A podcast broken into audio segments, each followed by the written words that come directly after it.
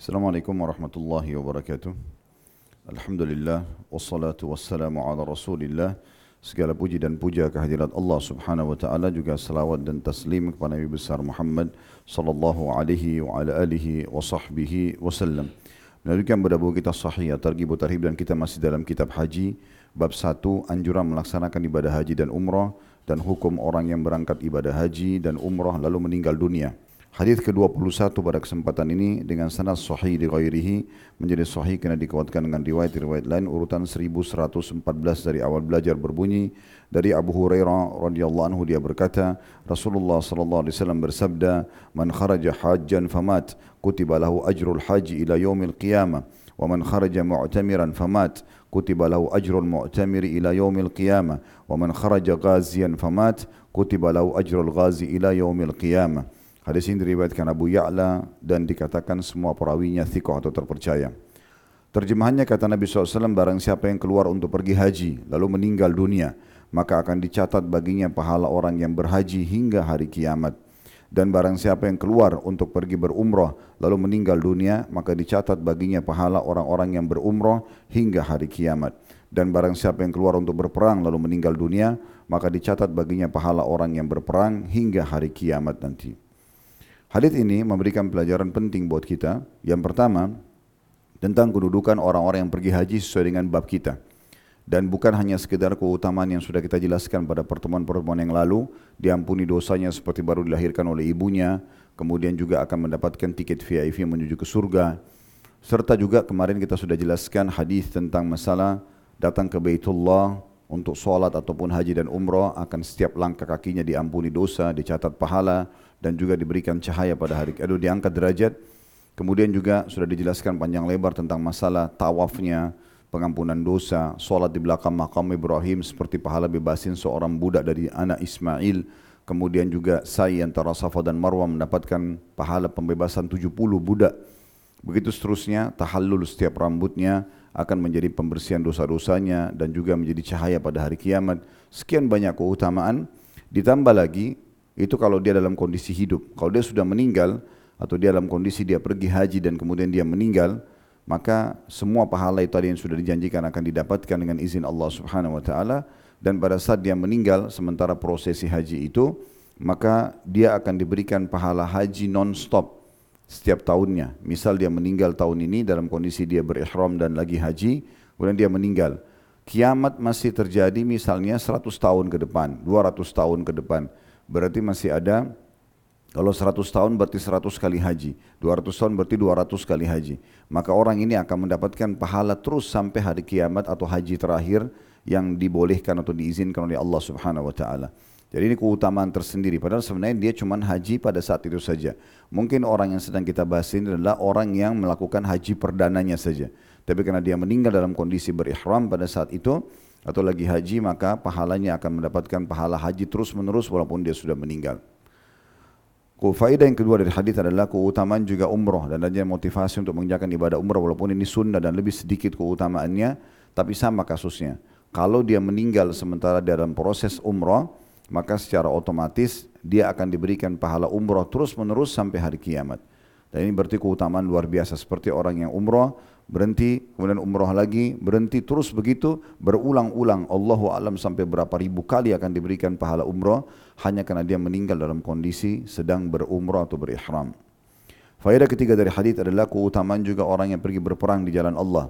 Kapan dia terbunuh, kalaupun dia mati syahid maka dia dapat surga memberikan syafaat 70 keluarganya, selamat dari fitnah kubur, plus lagi akan dicatatkan pahala berperang terus menerus sampai hari kiamat.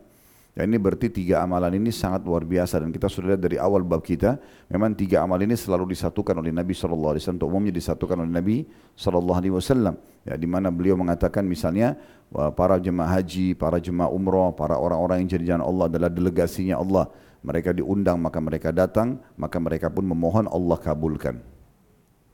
Hadis ke-22 dalam bab ini dengan sanad sahih dan ini hadis terakhir dalam bab nomor 1 Urutan 1115 dari awal belajar berbunyi dari Ibnu Abbas radhiyallahu anhu dia berkata, "Bainama rajulun waqifun ma'a Rasulillah sallallahu alaihi wasallam bi Arafah, idh waqa'a 'an rahilatihi fa aqsa'athu." فقال رسول الله صلى الله عليه وسلم اكسلوه بماء وسدر bi thawbayhi wa la ra'sahu wa la tuhannituhu fa innahu yub'atsu yaumal qiyamati mulabbiya hadis ini riwayat Bukhari dan Muslim.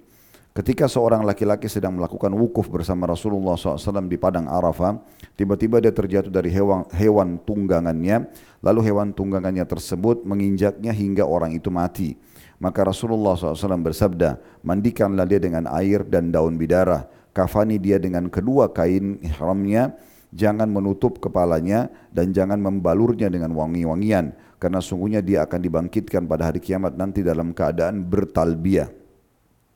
Dalam riwayat Ibnu Huzaimah disebutkan bahwasanya Nabi SAW, eh, Ibnu Abbas meriwayatkan anna rajulan kana ma'an Nabi sallallahu alaihi wasallam fawaqasathu naqatu wa huwa muhrim famat faqala Rasulullah sallallahu alaihi wasallam iksilu bima'in wa sidr la tamassuhu bi tib wa la tukhammiru ra'sahu fa innahu yub'atsu yawmal qiyamati mulabbiya bahwasanya ada seorang laki-laki bersama Nabi SAW lalu dia jatuh dijatuhkan dan diinjak oleh untanya hingga lehernya patah. Sedangkan dia dalam keadaan berihram lalu dia pun meninggal. Maka Rasulullah SAW bersabda mandikanlah dia dengan air dan daun bidara. Kafani dia dengan dua helai kain ihramnya jangan kalian balurkan minyak wangi padanya dan jangan menutup kepalanya karena sungguhnya ia akan dibangkitkan pada hari kiamat nanti dalam keadaan bertalbiyah Riwayat yang terakhir masih nomor urutan yang sama dan penutupan bab nomor satu ini. Riwayat Imam Muslim ada riwayat lain disebutkan. Fa'amarahum Rasulullah wasallam an yaksiluhu bima'in wa sidr wa an yakshifu wajhahu hasibtuhu qal wa ra'sahu fa inna yub'athu wa huwa muyuhil wa huwa yuhil. Lalu Rasulullah SAW menyuruh para sahabat untuk memandikan orang tersebut dengan air dan daun bidara dan juga membuka wajahnya. Aku mengira, kata perawi hadis di sini, kepalanya disuruh buka atau diperintahkan untuk membuka kepalanya karena sungguhnya ia akan dibangkitkan pada hari kiamat sambil bertalbiyah. Tiga buah riwayat hadis ini dalam urutan terakhir di hadis bab nomor satu urutan nomor 22 memberikan pelajaran yang cukup banyak kepada kita dan ini sekaligus juga sesuai dengan judul bab nomor satu ya selain anjuran dan motivasi untuk haji dan umrah juga hukum dan bagaimana keutamaan orang yang meninggal dalam kondisi mereka sedang haji dan umrah. Pelajaran pertama dari hadis adalah kecerdasan Abdullah bin Abbas radhiyallahu anhu dalam menyampaikan riwayat sebagaimana sering kami sampaikan ini sebuah faedah hadis yang harus selalu direnungi juga bagaimana beliau menceritakan dulu alur terjadinya atau penyebutan hadis tersebut. Padahal bisa saja beliau menyampaikan langsung intisari dari hadis, tapi beliau sampaikan sehingga bermanfaat bagi kita yang tidak hadir pada saat itu.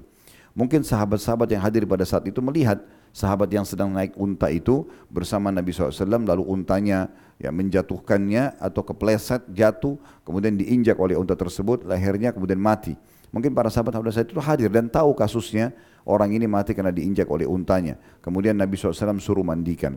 Tapi di sini bagi tidak hadir kayak kita tidak hadir kita tidak tahu setelah 1400 tahun sekian, kita masih bisa mengetahui ternyata kejadiannya pada saat itu seperti itu. Dan ini sebuah tambahan faedah tersendiri dan tidak semua perawi hadis menyampaikan dengan tata cara seperti ini. Dan ini ada bahasa lain dalam ilmu hadis namanya sababul urut, sebab disebutkannya hadis tersebut. Seperti kalau Al-Quran ada sabab nuzul. Pelajaran kedua dari hadis, keutamaan orang yang meninggal dalam kondisi dia sedang haji ataupun umrah dan juga berihram.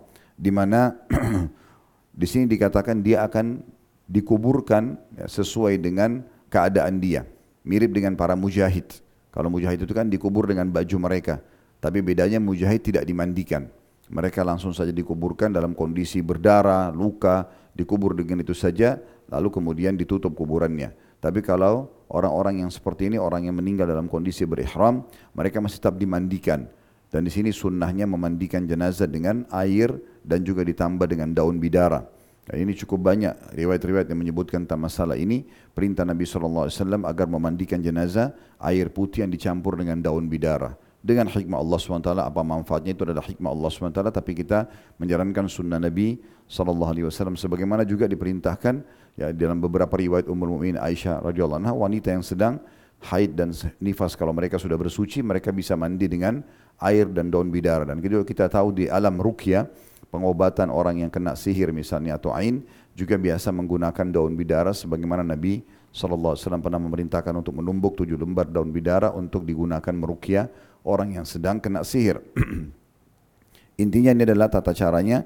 Kemudian dia akan dikafani dengan kain ihramnya dan dibuka bagian kepalanya serta dia akan dibangkitkan dalam kondisi bertalbiyah. Jadi ini semua bergabung keutamaan tentang masalah orang yang meninggal dalam kondisi berihram. Ya. Kemudian dalam riwayat juga di sini disebutkan dan ini kita ambil faedah yang ketiga tentang tetap berlaku larangan-larangan ihram bagi orang yang sedang berihram walaupun sudah meninggal. Di antaranya adalah wangi-wangian. Karena tidak boleh pakai wangi-wangian, maka di sini Nabi SAW dalam tiga riwayat ini melarang untuk menggunakan wangi-wangian kepada jenazah ini. Karena memang tidak dibolehkan menggunakan wangi-wangian bagi orang yang sedang berihram. Kemudian yang terakhir yang kita bisa kita ambil pelajaran tentang masalah bagaimana talbiyah, pentingnya talbiyah itu pada saat diucapkan dan bagi teman-teman yang Allah berikan taufik untuk haji ataupun umrah, talbiyah ini dianjurkan untuk mengangkat suara dengan sekeras mungkin yang kita mampu. Sebagaimana disebutkan dalam sebuah riwayat pernah ditanyakan kepada Nabi SAW, ini akan ada di bab-bab setelah kita nanti, tentang masalah bagaimana sebenarnya haji itu harus dilakukan. Maka kata Nabi SAW, keraskan talbiyah dan berkurban. Maka para sahabat pun mereka bertalbiyah dengan mengangkat suara sampai tenggorokan mereka paruh disebutkan dalam beberapa riwayat seperti itu.